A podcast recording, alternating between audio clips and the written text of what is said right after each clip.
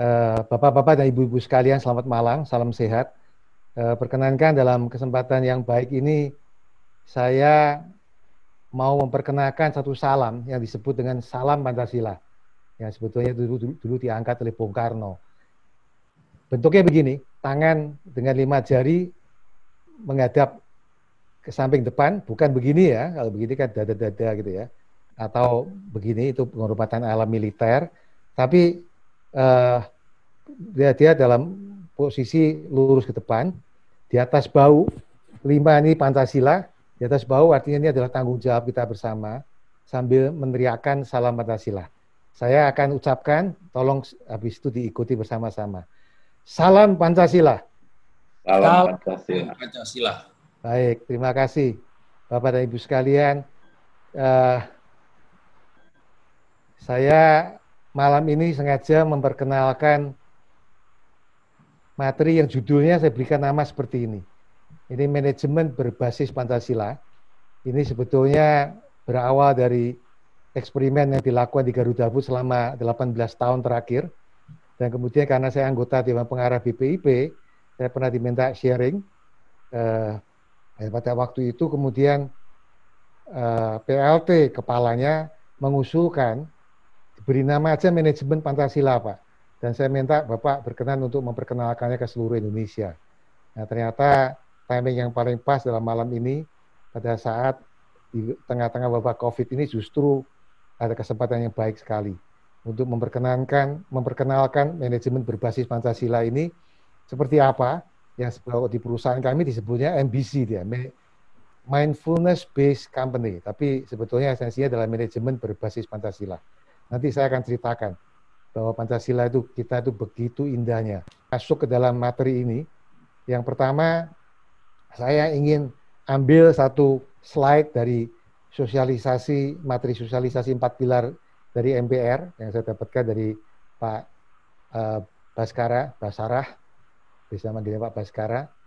Uh, slide ini menunjukkan bahwa Pancasila dalam pidato Bung Karno pada tanggal 1 Juni sebagai hari lahir Pancasila itu eh, beliau menunjukkan bahwa Pancasila itu kalau diperas bisa menjadi tiga sila, dan kalau diperas lagi menjadi eka sila.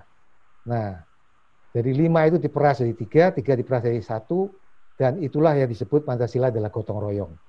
Nah, ini sengaja saya kutip, karena saya mau masuk ke dalam slide berikutnya, ini yang eh, sekedar untuk pengantar saja, bahwa kata gotong royong ini nanti akan saya mau jelaskan, bukan jangan hanya dimaknai bahwa kita itu kerja bakti bersama, eh, saling tolong menolong di kampung, bukan hanya bentuk-bentuk seperti itu saja. Itu adalah in action-nya dalam tindakannya Pancasila dalam laku, penting sekali. Dan itu hidup di tengah-tengah masyarakat, tetapi yang tidak kalah pentingnya kita juga perlu memahami paradigma di belakang kata gotong royong itu sendiri. Ya, jadi eh, perkenankan saya menyampaikan hakikat nilai Pancasila. Yang pertama saya mau sampaikan, ini saya sengaja kutip eh, apa namanya paradigma yang disebut The Rising Culture oleh Fritjof Capra dalam bukunya The Tao of Physics. Uh, Fritjof Capra mengatakan salah satu dari The Rising Culture itu atau paradigm itu the future paradigm, new paradigm adalah satunya bagian dari keseluruhan dan keseluruhan itu adalah merupakan himpunan dari bagian. Nah, Pancasila itu nilai, sila-silanya lima sila itu adalah sangat seperti itu. Bisa nanti Anda eksplor lebih jauh dengan Pak Yudi Latif bahwa lima sila itu merupakan satu kesatuan, saling menjiwai satu sama lain.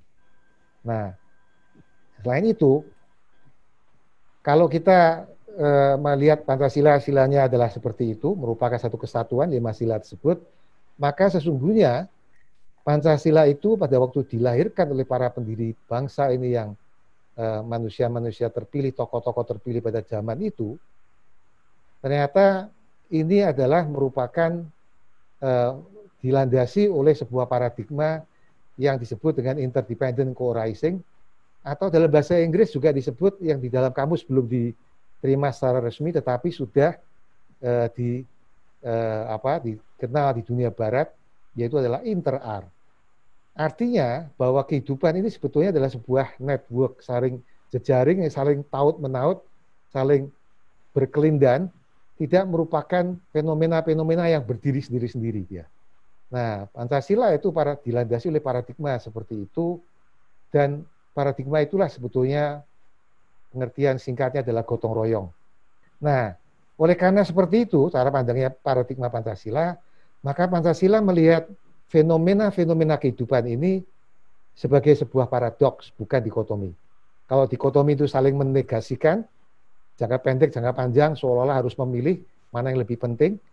Sedangkan kalau paradoks, itu dua fenomena kehidupan atau lebih yang di permukaan kelihatannya bertentangan, misalnya jangka pendek dengan jangka panjang, siang atau malam, eh, itu kalau didalami maka sebetulnya adalah bisa dilakukan diintegrasikan bisa dilakukan alignment. Itulah paradoks dia.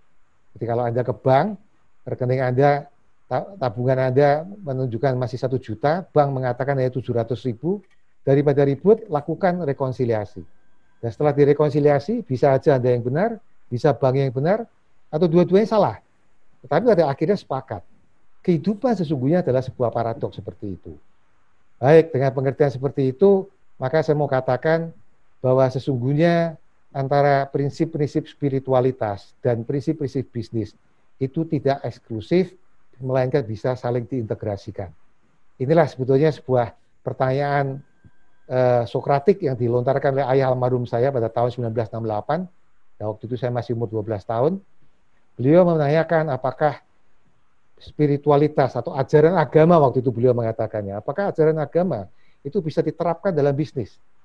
Itu ditanyakan pada kakak-kakak saya, dan Pancasila memberikan jawaban bahwa ini bukan hanya bisa, tapi merupakan sebuah keniscayaan kalau bisnis tersebut ingin langgeng.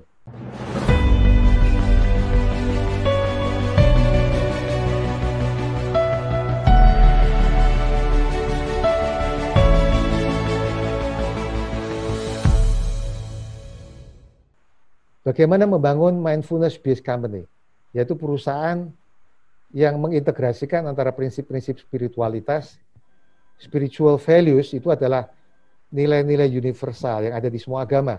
Misalnya disiplin, tanpa kekerasan, cinta kasih, itu tidak ada agama satupun yang tidak mengajarkan itu. Itulah universal values dan itulah spiritual uh, values, ya nilai-nilai spiritual.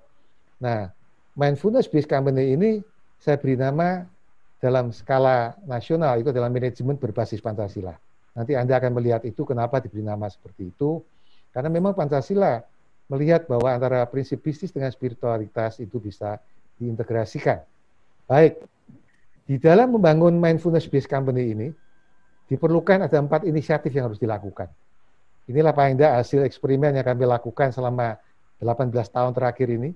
Ini bukan hanya sekedar bicara teori, tetapi sudah dipraktekkan di Garuda Food dan saya merasa happy sekali kalau ini bisa diterima di skala nasional karena biasanya di tataran makro kita kalau bicara panca, ekonomi Pancasila itu adalah sistem ekonomi Pancasila dalam artian ekonomi makro. Tidak berbicara mengenai ekonomi mikronya. Nah, manajemen Pancasila itu adalah ekonomi mikronya. Apa itu empat inisiatif itu? Yang pertama, mindfulness based company atau manajemen berbasis Pancasila ini diawali dengan perumusan, yaitu nilai-nilai yang dijunjung tinggi oleh perusahaan tersebut.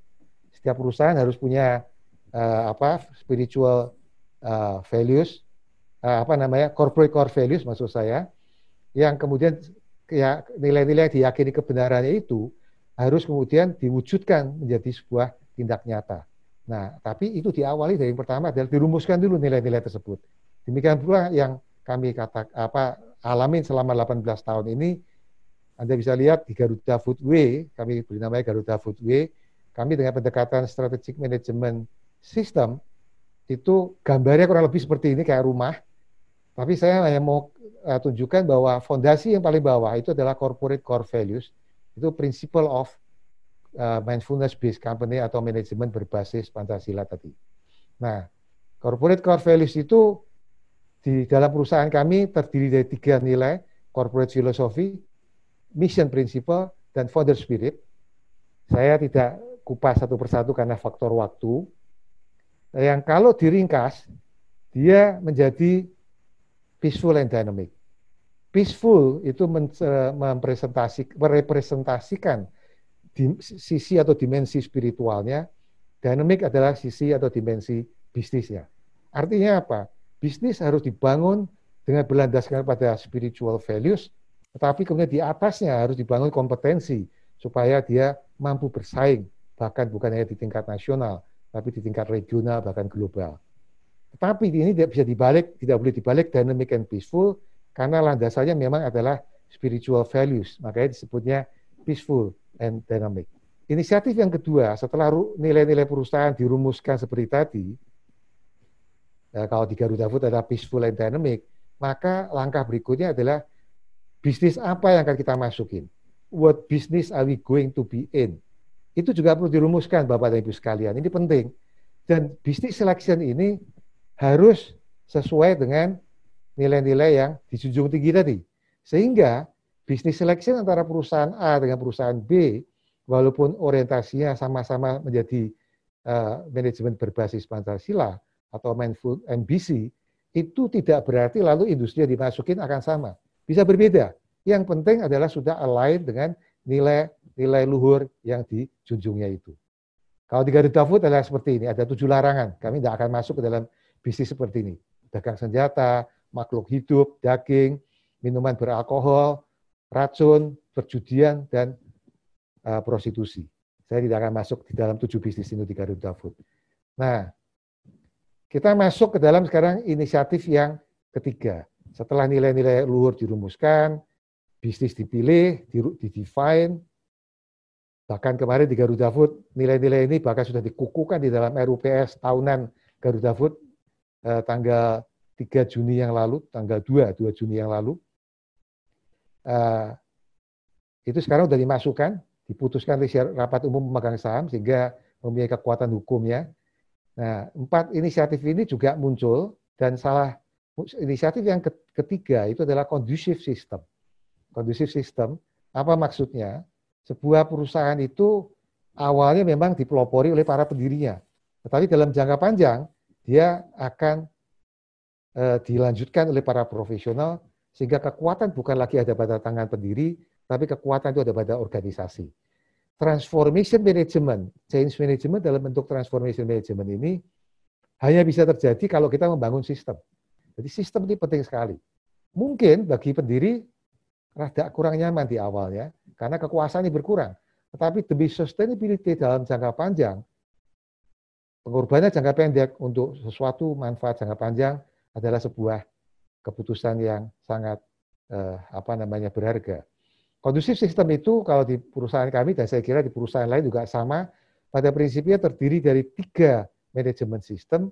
Yang pertama adalah strategic management system. Ini bahan-bahan workshop semuanya ya, saya nggak bisa masuk terlalu dalam. Yang kedua adalah proses manajemen sistem. Dan yang ketiga adalah improvement management system. Sekedar ilustrasi aja, kalau strategic management system itu adalah cabang manajemen yang muncul pada tahun 60-an, yang pada saat itu uh, orang masih dikuasai dunia dikuasai dengan functional management, utamanya zamannya F.W. Taylor, scientific management itu adalah functional management, marketing management, production management dan sebagainya.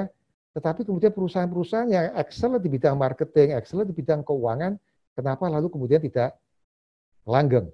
Ternyata akhirnya para pakar manajemen menemukan bahwa ternyata functional management itu hanya mengadres functional excellence, hebat di bidang tertentu, marketing, keuangan, tetapi tidak mengadres sustainability of the enterprise, kelanggengan dari perusahaan itu. Inilah yang diadres oleh strategic management, maka memang kita awali dari itu dulu, dari strategic management itu dulu. Nah, baru kemudian proses manajemen dan improvement management system. Nah, improvement management system inilah yang akan menjamin perusahaan akan langgeng karena inilah corporate self renewal. Inilah proses pembaruan yang ada di dalam perusahaan yang terjadi dengan sendirinya. Terjadi dengan sendirinya saya katakan karena ini uh, sudah uh, dibangun sebagai sebuah budaya, maka setiap insan dalam perusahaan akan di-trigger untuk terus melakukan uh, proses pembaruan. Baik, itu adalah inisiatif yang ketiga. Inisiatif yang keempat dan yang terakhir, ini agak panjang, yaitu adalah bagaimana kita kemudian, oke nilai-nilai sudah dirumuskan, bisnis sudah dipilih, ya, kemudian sistem sudah di-develop. Tapi pada akhirnya segala sesuatu manusia adalah yang terpenting.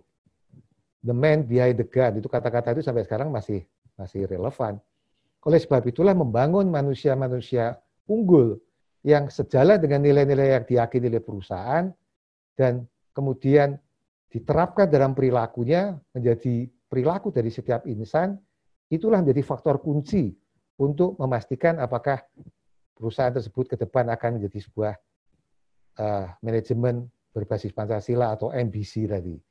Kita masuk yang pertama, saya awali dulu sebelum masuk yang di case tadinya di Garuda Food, saya awali dulu bahwa secara teori itu LSI, uh, Leadership Style, uh, Style Inventory, itu uh, oleh Clay Laverty dikenalkan ada diperkenalkan ada tiga gaya kepemimpinan dan itu digambarkan dalam sebuah sirkumpleks. Bayangkan ini sebuah jam. Jam itu kan ada angka dari 1 sampai 12 seperti di depan Anda lihat. Uh, ini adalah gambar ini sebetulnya sederhana tetapi kompleks sekali karena ini himpunan dari berbagai teori psikologi yang utama yang sampai sekarang masih dianut. Anda bisa lihat sebelah atas itu mengadres soal kebutuhan tentang rasa puas, satisfaction need. Yang bawah itu adalah rasa aman. Jadi kalau sekarang ini banyak orang yang eh, khawatir dengan job security karena masalah COVID, itu adalah di yang bagian bawah, yang atas adalah job satisfaction. Nah, yang sebelah kiri, bahwa kita dalam deal dengan people itu tidak hanya menyangkut soal tugas, bukan hanya task management. Kalau Anda sebagai seorang pemimpin berhubungan dengan anak buah Anda, anak buah dipanggil, diajak rapat, diajak diskusi, itu tidak hanya menyangkut task management, karena yang sebelah kanan jangan lupa ada people managementnya. People managementnya. Dan jam ini, 12 angka ini dibagi menjadi tiga zona. Zona hijau, zona merah, dan zona biru. Nah, sehingga 12 dibagi tiga, setiap zona itu ada empat, empat ciri-ciri. Ayo kita lewatin berselancar satu persatu. Yang awal kita awali dengan zona hijau. Mohon maaf sekali lagi ya sekedar untuk ilustrasi singkat, karena sekali lagi ini, ini juga bahan workshop yang dulu waktu kami memanggil Palladium, punyanya uh, Bob and Dave, uh, balance scorecard itu, itu selama dua setengah bulan. Jadi kalau Kemudian gambar ini saya presentasikan dalam waktu hanya 12 menit, tentunya menjadi sangat bisa dimaklumin Anda tidak akan mendapatkan banyak. Tetapi intinya, gaya kepemimpinan hijau ini adalah gaya kepemimpinan yang disebut pasif defensif. Pasif defensif karena dia lebih banyak mengedres kebutuhan akan rasa aman. Yang ciri-cirinya yaitu adalah avoidant, ini orang yang tipenya adalah tipe menghindari lari dari masalah. Dependent, adalah orang-orang yang tipenya tipe follower, yang ngikut aja, bergantung, anak mami begitu. Nah, yang ketiga adalah konvensional, konservatif, dan yang keempat adalah approval. Approval itu adalah orang pemimpin yang memproyeksikan dirinya pada orang lain. Artinya kalau mau melakukan sesuatu, dia selalu berpikir, kalau saya melakukan kebijakan seperti ini, anak buah saya atau rakyat atau masyarakat akan mempersepsi saya seperti apa ya. Nah, pemimpin yang gaya kepemimpinannya seperti ini, itu praktis dia tidak akan bisa berhasil. Hijau ini. Pasif defensif itu tidak bisa berhasil. Jadi jangan dipilih ya. Karena apa? Karena dia hanya berinteraksi dengan sisi orang saja. Tugas tidak pernah disentuh. Dan itu pun hanya untuk mengadres rasa amannya dia.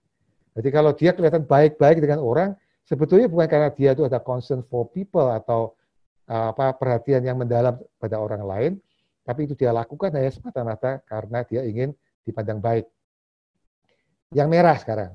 Mohon maaf, di waktunya kelihatannya memang cepat sekali. Uh, yang kedua, style of leadership yang kedua adalah merah. Merah ini adalah defensif juga, tetapi agresif dia. Defensif tapi agresif. Kalau tadi itu pasif, ini agresif. Makanya disimbolkan merah, ciri-cirinya orangnya perfeksionis. Orang yang udahlah lihat orang lain itu gak ada yang benar gitu. Semuanya kurang aja gitu. Semuanya dicela, semuanya dikritik gitu. Kayaknya dirinya dia paling benar sendiri. Kompetitif. Nah, orang yang hidupnya tidak pernah mau menjadi kalah dengan orang lain. He can be second to anyone. Maunya itu pokoknya nomor satu terus. Walaupun target tercapai, tapi kalau dia tumbuh 20%, kompetitor tumbuh 30%, dia pun merasa tidak happy. Karena dia kompetitif. Power, hmm, berorientasi pada kekuasaan. Dan yang terakhir adalah oppositional. Nah, itu udah pokoknya lihat orang lain itu pengennya kayak ngajarnya berantem melulu aja. Nah, orang merah ini bisa sukses, tetapi dia akan kelelahan dalam hidupnya. Dia berinteraksi dengan anak buahnya, dengan timnya, itu lebih kepada orientasi pada task management. Sebelah kiri itu masih ingat ya. Ini, ini sebelah kiri ini task management. Kalau yang sebelah belah dari apa lingkaran ini sebelah kiri itu adalah task management. Dan itu pun sebagian adalah juga sebetulnya untuk mengedres uh, rasa amannya dia dan statusnya dia, untuk mengamankan statusnya dia. Merah ini bisa sukses karena dia sangat berorientasi pada task management, tetapi hidupnya akan kelelahan karena dia tidak pernah akan mengecap kebahagiaan. Red zone. Nah, ini gaya kepemimpinan yang ketiga, yang disebut dengan gaya kepemimpinan konstruktif. Ini juga sama, ada empat ciri. Yang pertama, achievement. Orang yang berorientasi pada pencapaian tujuan. Kalau tujuannya tercapai, targetnya naik 120 persen, naik 20 persen tercapai, dia happy. Kompetitor kok 130? Ya nggak apa-apa. Berarti kita targetnya kurang kurang challenging. Tahun depan kita stretch tujuannya, targetnya gitu. Jadi dia puas apa syukurin aja yang sudah dicapai. Kedua self actualizing ini adalah artinya orang yang mempunyai kemauan dorongan untuk mengembangkan dirinya sendiri. Dan yang ketiga yaitu adalah humanistic encouraging, ada concern for people, suka mengembangkan orang lain, anak buahnya, walaupun dia tahu anak buahnya itu sama dia sebetulnya tidak tidak tidak setia. Tidak setia, suka membicarakan di belakangnya, tetapi dia tidak peduli dengan itu semua karena dia memang mempunyai panggilan untuk mengembangkan orang lain. Kenapa? Karena dia tahu anak buahnya itu walaupun tidak suka dengan dia, tetapi dia mempunyai potensi yang luar biasa. Yang terakhir, afiliatif. Dia masih memperhatikan hubungan dengan orang lain. Bapak dan Ibu sekalian, Anda lihat, Gaya kepemimpinan ini itu dia mengedres di bagian ke atas tadi dari lingkaran yaitu adalah job satisfaction dan eh, apa namanya dia seimbang antara task management dengan people management. Task management dengan people management. Maka orang ini akan sukses dan ya kira lebih panjang umur lah kira-kira gitu. Orang seperti ini akan sukses duniawi, kalaupun mati harusnya masuk surga gitu, kira-kira seperti itu. Kalau merah itu sukses duniawi bisa aja matinya masuk neraka gitu. Kalau hijau barangkali juga menderita, mati pun belum tentu masuk surga gitu. Makanya jangan dipilih yang hijau itu. Pilihnya yang merah biru aja. Kalau nggak bisa biru, ya sementara merah. Kalaupun ada merah, pelan-pelan ada uh, migrate ke biru. Dan itu memungkinkan orang berubah dari merah ke biru. Jadi seperti ini gambaran anunya secara keseluruhan. Sekarang masuk di Garuda Food untuk membangun Eh, manusia seperti itu, di Garuda Food bangunannya seperti ini, bangunan lengkapnya. Bangunan lengkapnya seperti ini dan ini dibacanya dari bawah ke atas. Anda lihat diawali sama seperti tadi dengan yaitu corporate core value CCV itu dirumuskan ini pada arah spiritualnya karena ini nilai-nilainya adalah nilai-nilai spirit ada nilai-nilai spiritualnya walaupun juga ada nilai duniawinya. Kemudian nilai itu adalah barang abstrak dijabarkan jadi lima mentalitas dasar lima mentalitas dasar ini kemudian karena belum bisa diukur, dijabarkan lebih lanjut berarti tujuh perilaku kunci. Key behavior inilah baru memungkinkan kami mengukur apakah pribadi-pribadi unggul kami menyebutnya di perusahaan kami itu sudah menjalani nilai whether they live the value or not. Dan ini berlaku untuk semua insan di Garuda Food. Tetapi karena pemimpin itu penting, maka kami pun menjangkau secara khusus pemimpin dengan enam ciri-cirinya yang kami singkat dengan nama CW4C itu kalau diperas eh, hasilnya itu bijaksana dan kompeten. Jadi pribadi-pribadi pemimpin-pemimpin unggul yang kami mau bangun adalah pemimpin yang bijaksana dan kompeten. Bijaksana adalah mewakili tadi peaceful, nilai spiritual, kompeten mewakili tadi uh, apa dinamiknya, sisi duniawinya. Artinya seorang pemimpin itu kalau mau sukses dia tidak cukup hanya pinter saja, karena dia bisa mencelakakan orang lain, tapi sebaliknya dia juga tidak boleh hanya sekedar terlalu spiritual, tetapi tidak kompeten, maka dia juga akan kalah dalam persaingan. Bisa ke sana dan kompeten. Dan ini kalau di kamus bahasa besar bahasa Indonesia ada terminologinya disebutnya sujana itu. Nah, Pancasila style of leadership itu kalau dengan uraian tadi yang akan dibangun di Garuda Food dengan CW4C itu pada dasarnya adalah the constructive style dan ini bisa diukur. Ini sangat bisa diukur. Walaupun memang mahal ukurannya. Oke. Saya masuk ke eh, apa slide yang bagian kedua yang terakhir bahwa 10 prinsip ekonomi eksekusi yang unggul ini jadi penting karena bangunan mengembangkan manusia dengan cita-cita seperti tadi yang bijaksana dan kompeten yang berakar pada uh, apa namanya nilai-nilai luhur yang diyakini kebenarannya itu hanya akan tinggal mimpi kalau kita tidak bisa melakukan execution management yang baik. Dan di Garuda Food itu ada 10 prinsip dalam eksekusi, the 10 principle of excellent execution di dalam uh, mengembangkan pribadi-pribadi unggul atau bijaksana dan kompeten atau sujana tadi. Supaya esensi-esensinya ditangkap, yang pertama Bapak dan Ibu sekalian, uraian saya tadi itu pertama nilai Pancasila itu merupakan satu kesatuan. Dan itu adalah sebuah paradigma yang saling merajut satu sama lain. Melihat kehidupan adalah sebuah paradoks, bukan dikotomi. Yang kedua, Pancasila dengan paradigma itu adalah nilai-nilai sifatnya universal. Nilainya universal dan paralel dengan ilmu pengetahuan dan teknologi. Yang ketiga, tadi seperti yang saya katakan berulang kali, bahwa profesi dan spiritualitas whatever business you are in, whatever profession you are, itu dengan spiritualitas itu paradoks bukan dikotomi. Itu bisa diintegrasikan. Dan pada saat itu diintegrasikan, maka mata pencarian is the way. Mata pencarian adalah jalan itu. Baik untuk meraih sukses duniawi maupun untuk uh, menyiapkan perkembangan spiritual kita, self-transformation. Yang berikutnya, empat inisiatif membangun MBC tadi, atau manajemen berbasis Pancasila, ada empat ini merumuskan nilai, memilih bidang usaha, membangun sistem yang kondusif, dan membangun pribadi-pribadi unggul atau sujana-sujana tadi yang mempunyai dua ciri utama, kompeten, eh, bijaksana, dan kompeten. Dan gaya kepemimpinan Pancasila itu adalah constructive style. Constructive style itu zona biru tadi. Dan ciri-ciri pemimpin Pancasila, yang tadi saya katakan CW4C, yang diperas jadi bijaksana dan kompeten itu, yang kalau diperas jadi itu bijaksana dan kompeten. Nah, Bapak Ibu sekalian, itulah akhir dari presentasi. Saya akan tutup bahwa sekali lagi sesungguhnya kita nggak bisa hidup sendirian. Hidup itu saling merajut. Hidup itu adalah sebuah network. Kalau itu kita terapkan, maka supplier itu adalah bagian integral dari perusahaan. Customer adalah bagian dari integral dari perusahaan. Supporter kita, uh, bank dan sebagainya yang membentuk sebuah value net itu adalah bagian merupakan satu kesatuan.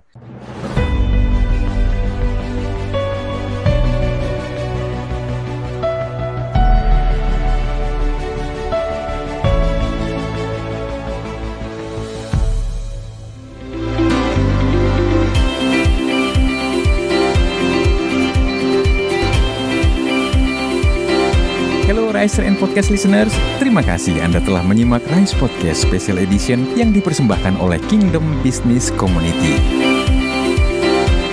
Harapan kami setiap episode Rise Podcast dapat menginspirasi Anda untuk terus mengalami transformasi dalam melakukan bisnis dan profesi Anda untuk tujuan yang mulia, membangun bisnis melalui manusia dan membangun manusia melalui bisnis.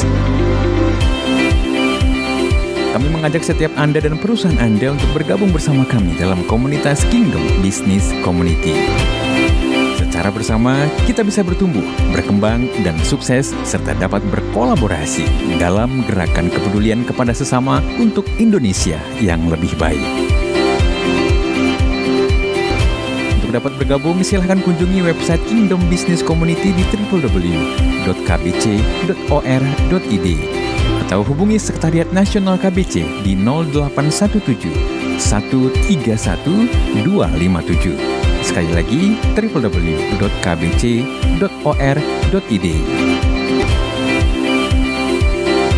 Price Podcast Kingdom Business Community. We podcast with heart. Sampai jumpa.